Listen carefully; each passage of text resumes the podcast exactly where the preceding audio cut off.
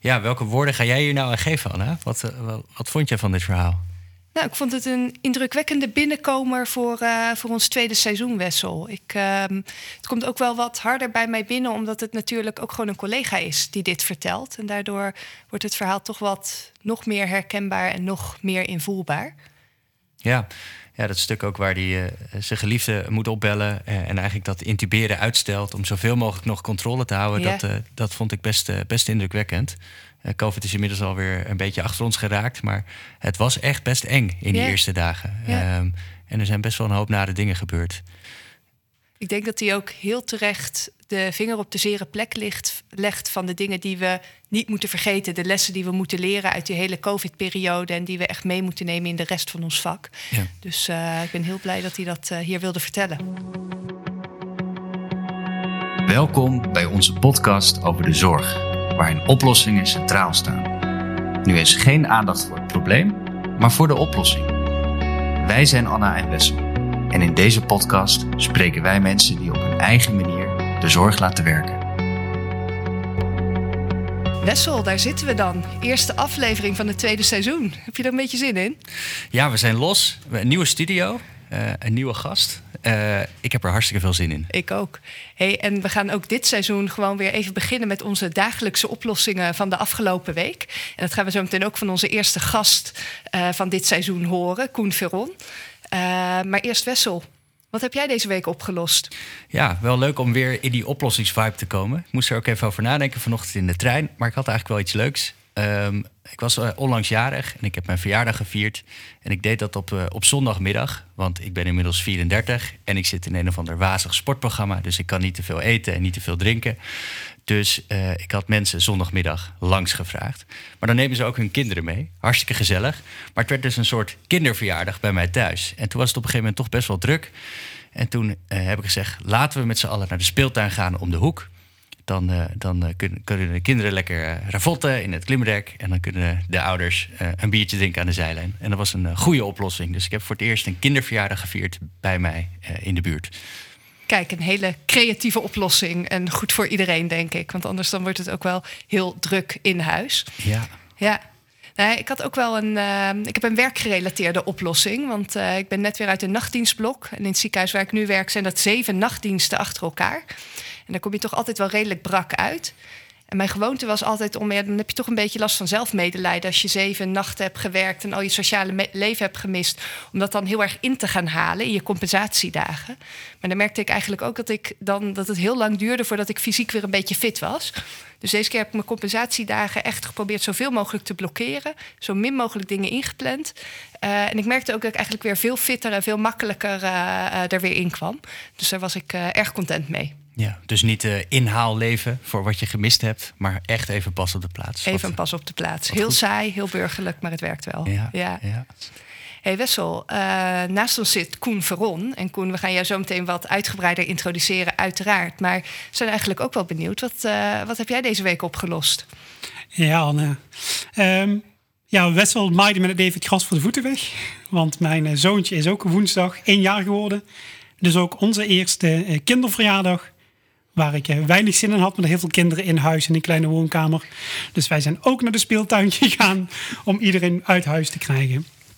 Um, nou ja, goed. En vanochtend eh, was ik eh, met mijn slaperige kop heel vroeg in de trein gestapt. En had ik niet geschakeld dat ik ook nog een half uur moest lopen naar deze studio. Dus ik zou eigenlijk te laat komen. Maar gelukkig hebben ze nu ook Ubers in Utrecht. En uh, was ik net, net, net op tijd.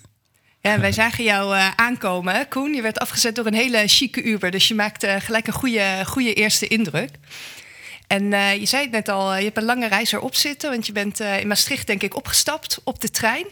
Je bent anesthesioloog in opleiding. Voor de luisteraars die de naam Koen Veron nog niet kenden. Um, en jij hebt helaas in de eerste COVID-golf ook aan de lijve ondervaren hoe het is om als patiënt, als COVID-patiënt op de intensive care te liggen. Um, inmiddels heb je daar ook nou ja, veel lessen voor jezelf, maar ook voor collega's uitgetrokken. En we zijn heel blij dat je te gast bent om die, uh, die lessen en die oplossingen hier met ons te delen. Maar misschien is het goed om allereerst even terug te gaan naar die, die eerste COVID-golf. En wat er nou met jou gebeurd is, hoe je op de intensive care beland bent. Kan je daar wat over vertellen? Ja, uh, dat is precies twee jaar geleden. eh, een paar dagen terug. En ik werkte op dat moment op de intensive care als arts. Deel uitmakend van mijn opleiding op de intensive care. En daar eh, kwam de eerste coronapatiënt binnen op de intensive care begin maart. Die eh, heb ik ook goed verzorgd. En helaas eh, heb ik het daar dus ook opgelopen waarschijnlijk.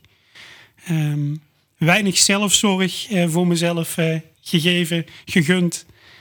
Als eerste, ehm, nou goed, ja, als eerste naar huis toe gegaan.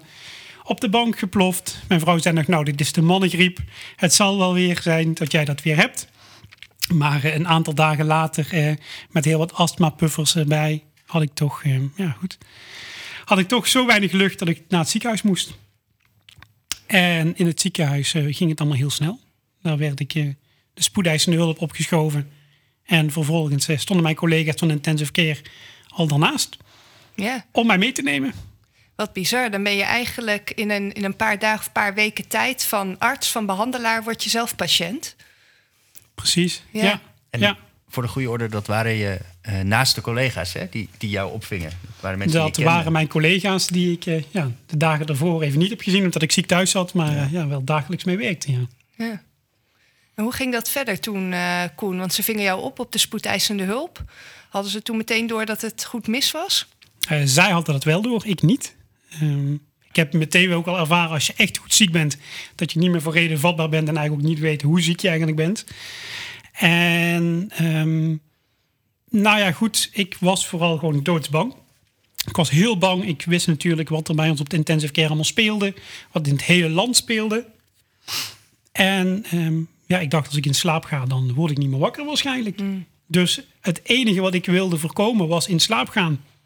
En het enige wat mijn collega's wilden was mij wel in slaap maken. Dus dat gaf wel een spanningsveld op de spoedeisende hulp. Ja. Die wel eh, ja, een anderhalf uur heeft geduurd. Ja. Voordat ze me hadden overtuigd. Ja. En uiteindelijk hebben ze je wel in slaap gemaakt. Hè? En ben je een tijdje heb je aan de beademing gelegen. Klopt. Ja. Wat, welke herinneringen heb je nog over aan die periode, ook toen je weer wakker werd? Ehm, nou, ik heb zoals een echte anesthesioloog betaamt... heb ik zelf de beademingsbuis verwijderd, vakkundig. En daar kan ik niks meer van herinneren. Ehm, ik was nogal onrustig op de intensive care, is mij verteld. Ehm, dus eigenlijk heb ik in het begin ja, heb ik geen actieve herinneringen aan. Dat, dat, weet, dat weet ik gewoon niet. Ehm, nou goed, een aantal dagen later ehm, zijn wat herinneringen komen binnendruppelen. Het eerste wat ik me eigenlijk nog herinner is een mooie zonsopkomst op mijn kamertje op de intensive care. Ehm, uitkijken over de parkeerplaats waar ik normaal parkeer als ik op de intensive care moest werken. En ja, dat is eigenlijk de eerste herinnering die ik had. En natuurlijk heel gek dat je al jouw collega's in pakken ziet rondlopen. Dat ze ook in pakken naar jou toe komen. Ehm, ja, dat is allemaal heel surrealistisch. Ja, ja. En Koen, hoe is het je daarna vergaan? Want je bent gelukkig en jouw angst was dat je niet meer wakker zou worden. Gelukkig ben je wel weer wakker geworden. En je zit hier ook nu bij ons aan tafel. Eh, dus dat betekent gelukkig dat het hè, goed afgelopen lijkt te zijn. Maar er is een hele lange weg tussen wakker worden eh, van de beademing en hier aan tafel zitten. Hoe is het daarna met je gegaan? Ja, dat is precies wat je zegt. Hè. Als je normaal op de intensive care werkt, dan voel je je nogal een held als een patiënt door de klapdeuren naar buiten wordt gereden. Want dan denk je, nou, de diepste dalen heeft hij nu wel gehad. Ehm, dat bleek niet zo te zijn, ook in mijn geval niet zo te zijn. Ehm, eigenlijk begint het dan pas. Ja, Dan eh, ga je pas ehm, ja, het echte revalidatietraject in. Je gaat dan pas merken ja, hoeveel angst je eigenlijk hebt. Ook over dingen die je niet kunt verklaren. En voor mij was dat ook nog wel heel erg, ehm, heel erg zo, omdat ik de eerste was die van de intensive care in Maastricht levend afkwam met COVID. En ze nu niet per se wisten wat ze met me moesten. Natuurlijk heel logisch. Ja, wat, eh, wat, hè, misschien ben je nog besmettelijk. In die tijd was het nog heel weinig duidelijk. Dus werd ik op een kamertje ehm, ja, gelegd waar eh, normaal ehm, patiënten liggen die zijn bestraald voor, voor eh, schildklierkanker. Dus met dikke deuren, kleine raampjes ehm, en zo weinig mogelijk contact met de buitenwereld. ja. Dus eigenlijk nog wel voor zijn isolatie. En dat heeft mij wel heel erg ehm, heel veel indruk op mij gemaakt. Ja. Kan je, want dat is misschien ook gelijk een mooie brug hè, naar de dingen die jij zo hebt opgemerkt toen je patiënt was. Kan je daar wat over vertellen? De dingen die je als patiënt wel opvielen, die je misschien als arts daarvoor nog niet zo waren opgevallen in de zorg.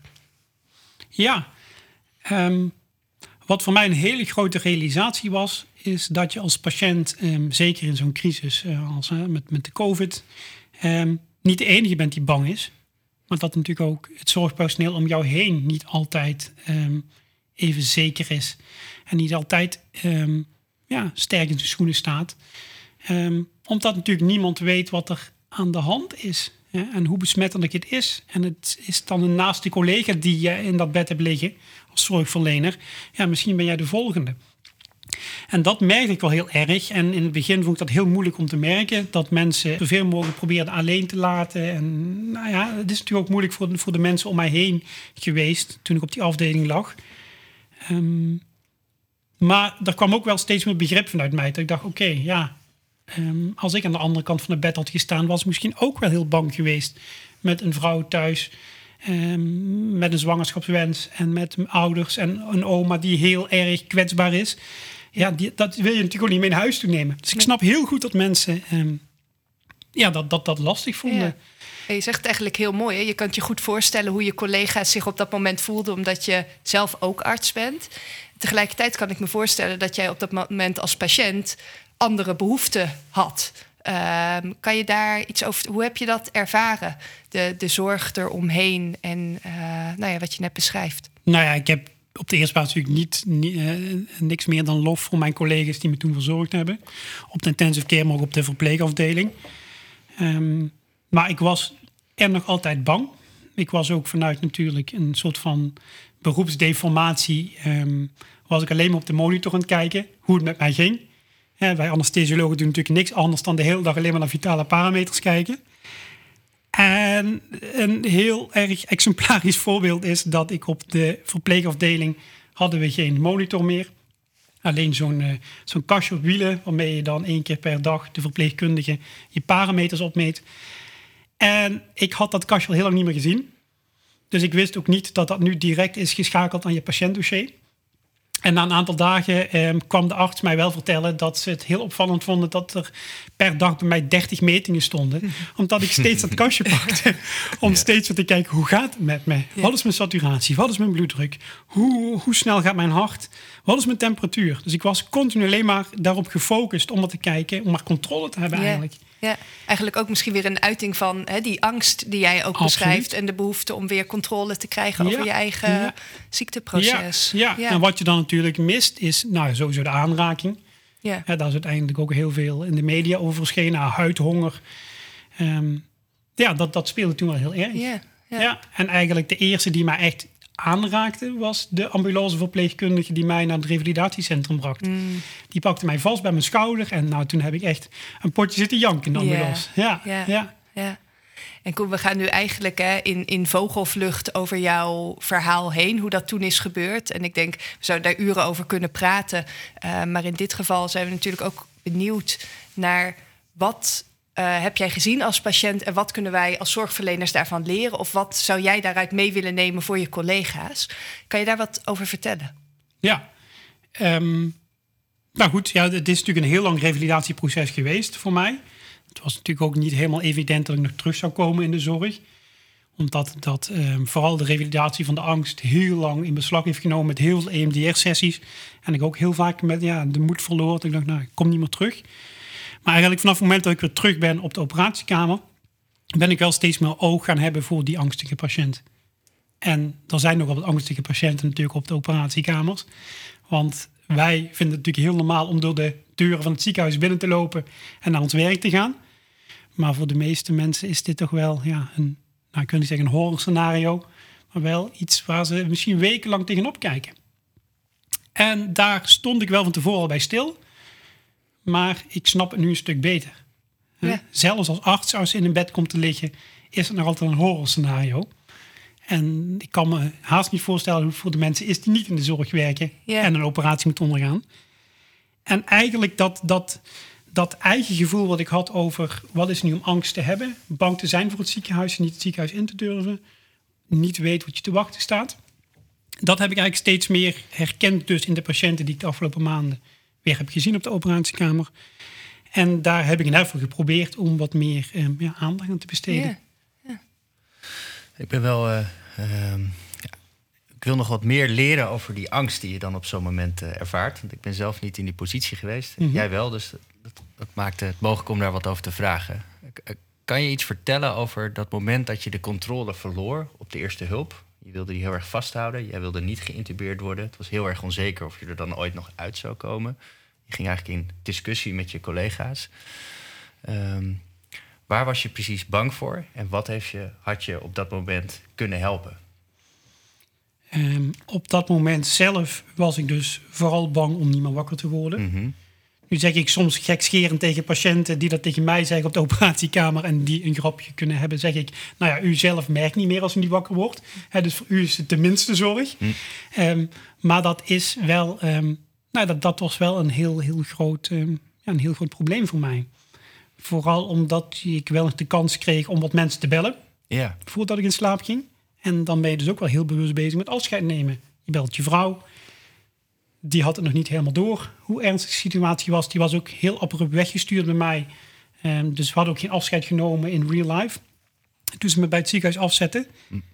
Um, dan heb je daar al heel veel stress. Omdat je denkt, shit, shit. Ze snapt het niet. Ze, ze, ja, dan gaat zelfs door je hoofd van... ik weet zelfs niet in jezelf waar ik de verzekeringspapieren heb liggen in huis. Laat staan dat mijn vrouw het weet. Misschien is zij wel iets beter georganiseerd dan ik... en weet zij misschien wel waar mijn papieren liggen. Maar dat schoot wel door mijn hoofd. En vervolgens bel je dan je ouders en die nemen het dan niet op... om 12 Oh, uur s'nachts. Ja. En dan denk je, oké, nou, van hun kan ik dus ook wel geen afscheid meer nemen. En vervolgens bel ik mijn zusje en mijn zwager. En eh, mijn zwager die, eh, is anesthesioloog, intensivist. Dus die wist ook wel ehm, hoe de kaarten lagen voor heel veel mensen in, in die periode. En mijn zusje is anesthesiemedewerker bij ons in het ziekenhuis. Dus die zou mij misschien ook nog wel op de IC tegen gaan komen. Ehm, ja, dat waren wel hele zware gesprekken. En eigenlijk toen ik weer wakker werd en gedurende de periode dat ik uit het ziekenhuis was, ehm, is vooral het moment op de spoedeisende hulp en het afscheid nemen, dat machteloos in bed liggen, naar adem liggen snakken. Dat is eigenlijk het moment wat als beeld eigenlijk in mijn hoofd voor de meeste angst zorgde. En dat gecombineerd met koppig zijn en heel snel thuis willen komen. Vanuit het ziekenhuis naar de revalidatiekliniek en zo snel mogelijk thuis zien te komen. Ik wist het allemaal beter en ik moest zeker weten thuis zijn met Pasen, want anders was mijn vrouw alleen. Als ze nu op terugkijkt twee jaar later, is het natuurlijk absurd dat ik denk, ik moet met mijn vrouw aan de tafel zitten met Pasen en ik zet mijn hele gezondheid opzij. Ehm, stond ik eigenlijk ook niet per se stil met wat, wat voel ik nu eigenlijk. En opeens kwam die hamerslag toen ik thuis kwam bij mijn vrouw en eigenlijk uit alle veilige omgevingen was. De IC had ik al moeten verlaten, dat was een schildje die was afgepeld. Vervolgens de afdeling wordt afgepeld. Dan komt de revalidatiekliniek, die wordt verwijderd. En opeens lig je heel naakt thuis, niemand let meer op je. En toen kwamen die angsten heel hard. Nachtenlang wakker liggen, niet durven slapen. Ja, ik vergeleek het soms met een weerwolf. Als, als, het, als het nacht werd, dan veranderde ik echt in een heel andere persoon. Dan moest mijn vrouw me echt tig keren per nacht wakker maken uit, uit, uit angst, uit nachtmerries. Dan zei ze, doe het licht aan, waar ben je nu? Je bent op de slaapkamer, wat zie je allemaal om je heen? Ja, dat was echt heel beangstigend. En dat heeft wel een half jaar, drie kwart jaar geduurd... voordat ik enigszins daarmee kon omgaan. Ja. Ja. En ehm, was het ook in die periode dat je eh, de pen oppakte en eh, het van je af ging schrijven? Er zijn ook wat stukken van je verschenen in Medisch Contact. Ja, ja, ja ik schreef, ik schreef toevallig net van tevoren ben ik begonnen met schrijven van medisch contact. Hm. Dus ik schreef eigenlijk als eerste over praktijkervaringen. Mhm. Ehm, ja, en toen ben ik zelf gaan schrijven om mijn gedachten een beetje op papier te zetten. En dacht op een gegeven moment, ach ja, waarom stuur ik niet ook eens op naar de redacteur van Medisch Contact? Om te zien of dat wat is. En daar kreeg ik heel veel positieve reacties op, op dat moment. Waarom denk je dat, eh, dat jouw verhaal zo, eh, zo aansloeg? Waarom wilden mensen daar meer over weten? Je werd ook overspoeld, vertelde je me net eh, toen we elkaar even spraken, door allerlei interviewverzoeken. Het was echt een verhaal dat, dat leeft in het land. Hoe komt Ja. dat, denk je? Ja, ik denk dat de mediaverzoeken vooral waren voor sensatie. Mhm. Hè? Ze moest natuurlijk een goede gast aan tafel hebben die het verhaal dan ook nog eens goed onder woorden kan brengen. Ehm, en die nogal wat meegemaakt heeft. En een arts die op zijn eigen IC ligt, is natuurlijk het hoogtepunt van de avond dan. Ehm, dus daar ben ik nooit op ingegaan. Maar ik denk vooral de verhalen op medisch contact, dat die voor heel veel mensen ehm, deels herkenbaar waren voor mensen in de zorg. Dat ze wel stukjes zagen van, ah, dat zie ik nu ook bij mensen gebeuren op de intensive care. Of ah, dat zie ik nu ook in de revalidatiekliniek bij mijn patiënt gebeuren. Maar ook omdat het natuurlijk één grote black box was voor mensen als je het nooit hebt meegemaakt. Hm. Ja. Ik vind het heel fijn dat heel veel van mijn collega's nooit op de IC hebben gelegen. Soms zeg ik wel eens, het is misschien goed als iedereen één nachtje op de IC ligt als patiënt in een bed. Zonder dat er wat aan de hand is, maar wel gewoon full blown aan de monitor met een infuus. En ja, even ervaren hoe dat is als s'nachts alle lampen uitgaan en je alleen maar piepjes hoort en niet weet wat er aan de hand is. Ehm, dus ik denk dat het vooral voor heel veel mensen een, een, een eye-opener was van oké, dus zo is het om terug te komen van zo'n diep dal. En zo is het om je echt niet veilig te voelen in je eigen lichaam misschien zelfs. Ja. Ja. en ook van je eigen omgeving niet. Ja. Ja, en ehm, in die verhalen zie ik ook eigenlijk ehm, best wel een soort lijn terug. Ehm, je, je bent daarin, eh, je vertelt over wat je hebt meegemaakt, maar je hebt ook een boodschap eh, aan zorgverleners. Eh, en je wil eigenlijk wat jij hebt meegemaakt omzetten in iets, iets positiefs, iets, iets leren, iets overbrengen. Mhm. Eh, dat zie ik. Eh, voel jij dat ook zo? Ehm, mijn doel op dat moment was vooral om mensen inderdaad ehm, inzicht te geven in hoe gaat dat nu. Als Mhm. je probeert weer op, je benen, op eigen benen te staan. Hoe gaat het nu als je nachtenlang niet slaapt en alleen maar denkt van hoe. Ehm, maar natuurlijk ligt er wel op de achtergrond ook wel een, een, een diepere boodschap van heb daar wat meer aandacht voor bij mensen. En misschien ook wel, het is niet, het is niet een, ehm, hoe moet ik dat zeggen, het, het is niet iets om je voor te schamen als je een trauma hebt opgelopen, ook als zorgverlener. Ja, ehm, ik heb wel heel vaak ehm, in het ziekenhuis reanimaties natuurlijk meegemaakt, ook wel eens van kleine kinderen. Ehm, ik was altijd degene die dan daarna de glaasjes water ging uitdelen als een soort van ja, hulpverlener of zo dan naar mijn collega's ging en zei: God, hoe gaat het met je? En wat heftig en zo. En mijn eigen gevoel ging wegstoppen. Want kom vooral niet bij je gevoel, want dan ga je nat. Ehm, en dat merk ik wel in mijn omgeving meer. Hè? Dat je liever niet praat over de dingen die je meemaakt of wat je dwars zitten. Maar als je volgens een week later weer een kinderreanimatie hebt, dan schiet die eerst ook door je hoofd. En dan merk je toch van oké, het, het, ergens heb je toch een laadje in je hoofd waar je al die dingen in stopt. En dat je denkt, nou, hou het laadje maar dicht. En toen ik eenmaal zelf daar kwam te liggen, toen dacht ik, oké, misschien moet dat laadje wat vaker open. Ja. En misschien moet dat ook bij andere zorgverleners, dat laadje wat vaker open. Ja. En moet je je vooral niet schamen als, als, als het niet lukt een dag. Ja. Ja. En je, hè, waar Wessel net ook naar vroeg, je zei al, je hebt er zelf over geschreven. Je hebt een aantal interviews op papier gegeven hè, voor Medisch Contact, voor de Volkskrant. Ehm, zijn er meer manieren waarop je die ervaringen en ook nou ja, die realisaties, die zelfinzichten die je nu beschrijft, heb je een manier gevonden om daar nu iets mee te doen in je dagelijkse werk?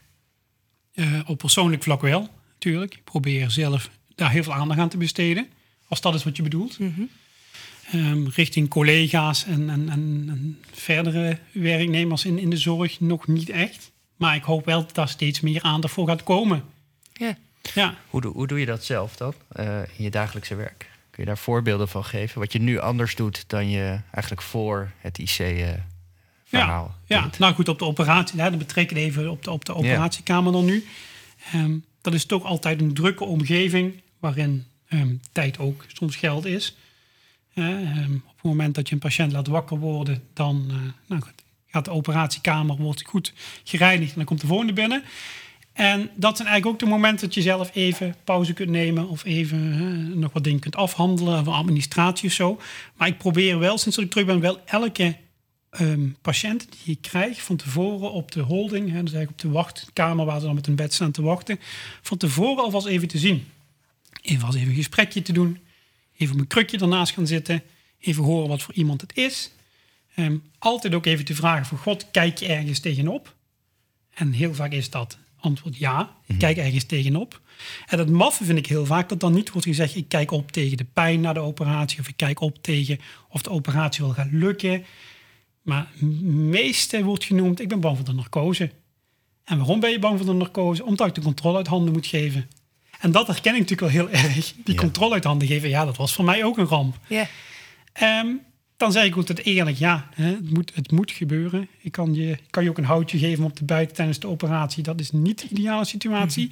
Maar ik ga er wel alles aan doen dadelijk om jou zo fijn mogelijk in slaap te krijgen. Ja. En als dat voor iemand is dat we En dat ik heel veel uitleg ga geven over wat ik ga doen, dan doe ik dat.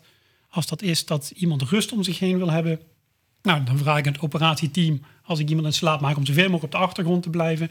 Niet te veel rumoer eromheen. Gewoon heel rustig. Ik, mijn anesthesiemedewerker, de patiënt, een staflid eh, mogelijk erbij. Ehm, ja, dus ik kijk wel altijd van waar kan ik dan iemand pakken? Wat, wat, is, zijn, wat is zijn punt van aanhaken? Waarbij ik in die tien minuten, kwartier wat ik heb, toch het verschil kan gaan maken dan bij zo'n patiënt. En sommige mensen zeggen ook heel snel, maar ik ben nergens bang voor. Maar als je dan vervolgens een grapje gaat maken of zo, dan zie je wat er mensen ontdooien. En opeens komen dan toch dingen bovendrijven. Waarvan je denkt, ah. En Koen, je hebt nu natuurlijk, hè, ehm, dankzij die vreselijke ervaring die jou ook maar is overkomen, heb je het wel kunnen ombuigen naar iets waar je nu in je vak heel veel aan hebt en andere mensen mee kan helpen, hè, patiënten meer gerust kan stellen. Je zegt net ook al, eigenlijk zou elke arts een nachtje op de IC moeten liggen om dat echt te begrijpen. Maar voor nou ja, het overgrote deel van de artsen die nou gelukkig niet of nooit in hun leven op de intensive care terechtkomt, kunnen, kunnen die dit ook? Zijn dit vaardigheden die je kan leren? Of kom je hier echt alleen bij als je die ervaring als patiënt zelf ook hebt? Ja, dat is een goede vraag. Dat ehm, weet ik niet helemaal, natuurlijk. Um, ik gun het wel iedereen om, om, om daar wat meer feeling voor te krijgen. Ik denk ook wel dat um, heel veel collega's van mij in het land daar ook wel feeling voor hebben. maar ik denk dat het vooral belangrijk is dat je er ook de ruimte voor geeft. Je kunt wel heel goed met een patiënt kunnen ja, aarden, zeg maar, of in elk geval hem gerust kunnen stellen. Um, maar ik denk dat het altijd meer kan. Ik denk dat het altijd goed is om je te beseffen dat je altijd nog die stap extra kunt zetten. En ik denk dat ik zelf ook die stap extra nog kan zetten met waar ik nu ben. Het mm. kan altijd fijner, kan altijd beter. Het hoeft geen hotel te worden. Maar mijn doel is wel dat mensen als ze weer wakker worden en ze enigszins mij herinneren, wel denken: oké, voor de narcose ben ik de volgende keer niet bang. Mhm.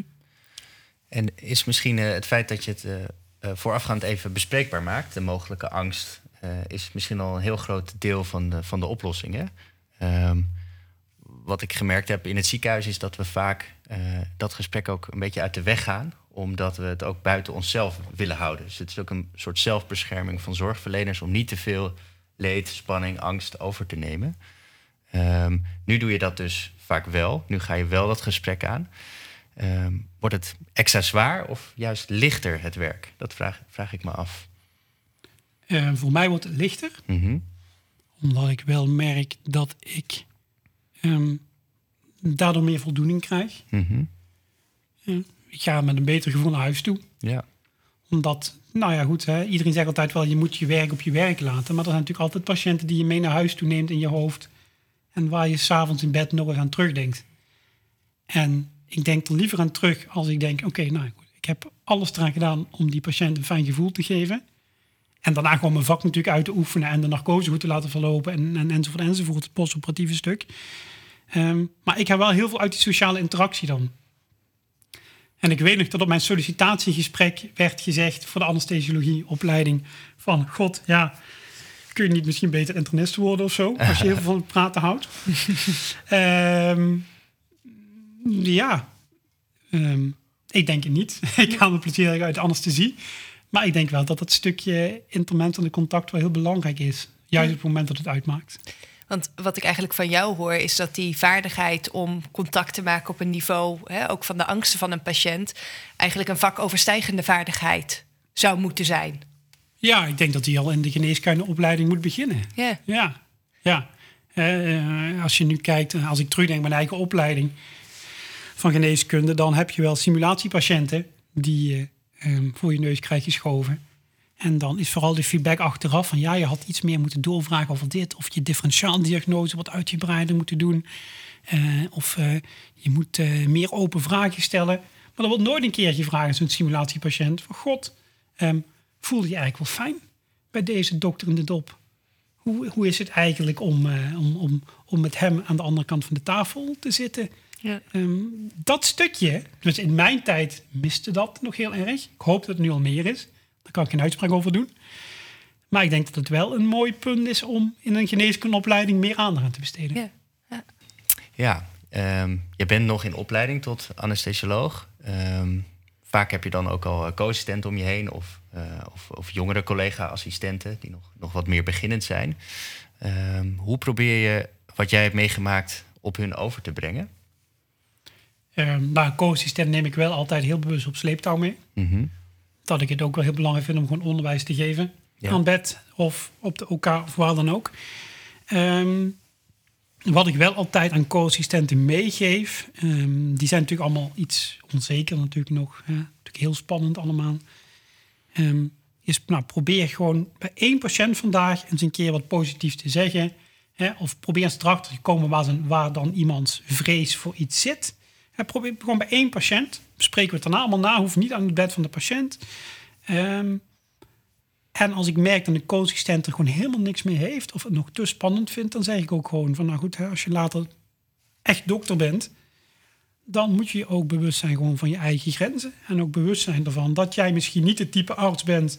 die heel erg ehm, op die communicatie zit... Of, of helemaal geen feeling heeft met iemand die angsten heeft... En dan moet je zoeken naar een collega die dat wel heeft. En dan kan die dat van je overnemen op dat moment. Je hoeft niet overal goed in te zijn. Nee. Nee. nee. En uh, andersom, als jij nu nog eens angst hebt, ik ga er even vanuit dat dat nog wel eens gebeurt. Uh, um, hoe maak je dat dan bespreekbaar bij jouw supervisoren? Je bedoelt op de werkvloer angst Ja, hebben? ik kan me voorstellen um, dat, er, dat er soms momenten terugkomen. Misschien een jonge man van rond de 28 die met spoed naar de IC moet en nog even zijn familie belt. Dat soort momenten kan misschien ook uh, het terugbrengen bij jou. Ja. of, of, vul ik dat te veel, veel in? misschien wel. Ja, ja. Nee, dat, dat, misschien moet ik het vragen. Welke momenten heb je nog angst in het ziekenhuis? Um, eigenlijk niet meer. Niet meer? Nee, is helemaal nee, weg. nee, ik heb een hele fijne, goede therapeut gehad. Mhm. En nog altijd heb ik die wel. Om wat, uh, wat onderhoud te plegen, zo hier en daar. Ja. Um, maar het doel was wel altijd om volledig te kunnen terugkeren. En er ook zeker van te zijn dat ik niet weer in zo'n flashback zou terechtkomen. Nee. En daarom heeft dat ook zo heel lang geduurd. Ik heb, ik heb nou ja, een, bijna anderhalf jaar EMDR gehad, waar normaal een sessie van tien of zo bij de meeste mensen genoeg is. Hm. Heb ik echt anderhalf jaar elke week een sessie gehad. Van een uur, anderhalf uur. Echt heel hard voor moeten werken. Heel hard voor moeten werken. Maar ook wel bewust met, oké, we gaan... Uh, op een gegeven moment toen mijn angst weg was... zijn we ook nog echt gaan triggeren op... oké, nu gaan we gewoon een uur lang heel hard um, de monitorgeluiden van de OK op YouTube opzoeken en op een koptelefoon zetten. Om maar alle dingen die ik tegenkom te triggeren en te kijken wat doet het met je. Ja. En vervolgens dan stappen natuurlijk exposure, hè, naar de IC teruggaan, naar die kamer teruggaan waar ik heb gelegen. Überhaupt naast een patiënt op de IC gaan zitten voor een kwartier en kijken wat het met je doet. Dus dat is een heel erg uitgekiend stappenplan geweest. En dat heeft nu wel zijn vruchten afgeworpen. Ja. Dus die angst is weg. Uh, wat, wat, mooi om te horen. Ja. Uh, ja. Um, en je noemde ook no nog even het voorbeeld van een kinderreanimatie en dan misschien wel twee in een week. Dat kan best als, als zwaar voelen. Uh, als je zoiets meemaakt, hoe, hoe ga je er nu mee om? Ook een beetje als, als voorbeeld naar mensen die dat ook wel bespreekbaar zouden willen maken, maar niet zo goed weten hoe.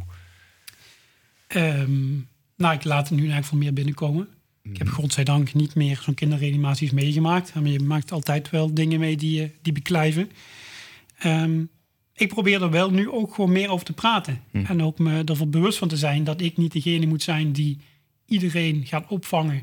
Of die in elk geval een deel van de mensen gaat opvangen. En dan uh, heel erg zeg maar erboven blijft staan. Dus je deelt niet meer de glaasjes water uit na Nee, dat doet iemand anders nu. Nee, nee, nee. Ik kan wel flink balen als iets niet goed gaat dan. Of, of als we iets heftigs hebben meegemaakt. Um, ik wil dan eigenlijk niet meer meteen dan in die professionele modus terugschieten en denken... oké, okay, dat was dat, afgesloten hoofdstuk. We gaan door met de volgende casus. Nou ja, soms even vijf minuten even pauze nemen is dan ook goed. Als het werken toelaat. Hey, en Koen, als ik het zo hoor, en overigens mag ook wel eens gezegd worden, ik vind het echt ontzettend knap, niet alleen hoe je hierover kan vertellen, maar ook gewoon al, die, al dat werk dat het moet hebben gekost om je eigen vreselijke patiëntenervaring om te buigen, of om te buigen te verwerken op een manier dat je niet alleen weer je werk als arts kan doen, hè, maar daar ook echt iets uit mee kan nemen en dat probeert mee te geven aan collega's en daarmee patiënten probeert te helpen. Dat vind ik echt heel erg knap. Mag ook wel eens gezegd worden. Um, ik vraag me af met alles, al jouw inzichten um, en dingen die je daarvan hebt geleerd. Weten collega's of opleidingen jou goed genoeg te vinden om hierover te horen en hier ook van te leren? Mm, Denk ik nog niet. Nee. Nee, nee. Ik geef wel aan de Hogeschool van Arnhem en Nijmegen eh, steeds een college in een bepaald blok. Waar dan verpleegkundigen in de dop zitten, ergotherapeuten, fysiotherapeuten. is eigenlijk een hele ja, vergaarbak en allemaal verschillende zorgverleners in de dop. En dat is eigenlijk gegroeid vanuit eh, alleen maar verhaal doen als ervaringsdeskundige.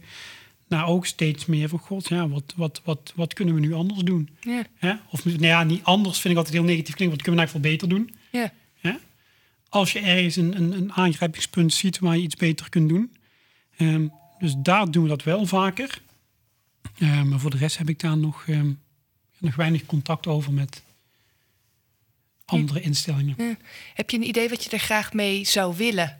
Ehm, is dat nog blanco of heb je iets voor ogen wat je hier in de rest van je carrière mee zou willen doen? Ehm, nou ja, het stukje open deur is natuurlijk het antwoord dan ehm, dat ik dit natuurlijk wel wil voortzetten voor mezelf. Ik hoop ook dat mensen mij weten te vinden als ze daar vragen over hebben. Of denken, god, hoe, hoe, hoe zou jij dat nu doen? Ehm, het zit niet per se in mijn aard om het heel erg groot te gaan aanpakken. En er echt, ehm, ja, bij wijze van spreken, een training of zo van te gaan maken. Ehm, maar ik sta altijd er open voor als mensen vragen erover hebben. Of, of, of bij, bij me komen van, god, ja, ik zou toch eens een uur met je erover willen kletsen. Ja. ja. Ja, dat is, ja. Want het klinkt eigenlijk bijna als een soort sub-aandachtsgebied. Net zoals dat je iemand hebt die heel goed een epiduraal kan prikken... of hè, heel goed echogeleid infuser kan prikken... en dat collega's je daarvoor weten te vinden. Heb jij eigenlijk de vaardigheid ontwikkeld dat je een manier hebt gevonden... om goed contact te maken met mensen die heel angstig zijn... en ze daar goed mee te helpen? Ja, ja, nu denk ik dat wel ehm, heel veel collega's van mij daar wel heel goed in zijn. Ehm, en ik durf ook wel te stellen dat ik voordat ik ziek werd ook wel al daar heel veel aandacht voor had. Maar het kan altijd, ja, wat ik net al zei, het kan altijd beter. Ja. Je kunt er altijd meer. Dus ik weet niet of het per se een subspecialisatie is. Ik denk dat als ik straks ergens ga solliciteren voor een baan, dat iedereen wel aanneemt dat je gewoon goed met patiënten kunt omgaan en ze een, een geruststellend gevoel geeft. Dus ik denk misschien dat het meer een persoonlijk doel wordt om daar gewoon verder in te groeien. Dan dat het echt een, een, een, een heel erg ja, uitgebreid stuk gaat worden van mijn verdere Ja. carrière. En eigenlijk wat je zegt, dat mensen die daar interesse in hebben... of omdat ze er beter in willen worden... of omdat ze merken dat ze juist helemaal niet ligt... en daar wat mee willen, dat die jou weten te vinden... eh, om daar eens van gedachten over te wisselen. Ja, precies. Ja, ja, ja. En ik, ik, ik heb het ook al heel erg voordat ik ziek werd in mijn perifere jaar ehm, in een ziekenhuis mogen meemaken dat er wel heel veel aandacht voor kan zijn, ook Ja. binnen vakgroepen. Ja. En dat het brein ook heel gek werkt. Hè? Ja. Met, met, ehm, ja. Ik zit nog even na te denken over. ehm, je noemde twee aspecten die voor jou eh, heel veel indruk hebben gemaakt in die periode. Die je eigenlijk eh, eh, gemist hebt. Dus meer het gesprek over de angst. Dat probeer je nu zelf te doen. En je noemde daarin ook ehm, eh, de huidhonger, de aanraking. Die Mhm. voor jou heel veel teweeggebracht heeft toen het uiteindelijk wel gebeurde. Hoe doe jij dat nu in je werk? Ben je, ben je aanrakeriger geworden? Ik vind het wel fijn om mensen aan te raken, ja. ja.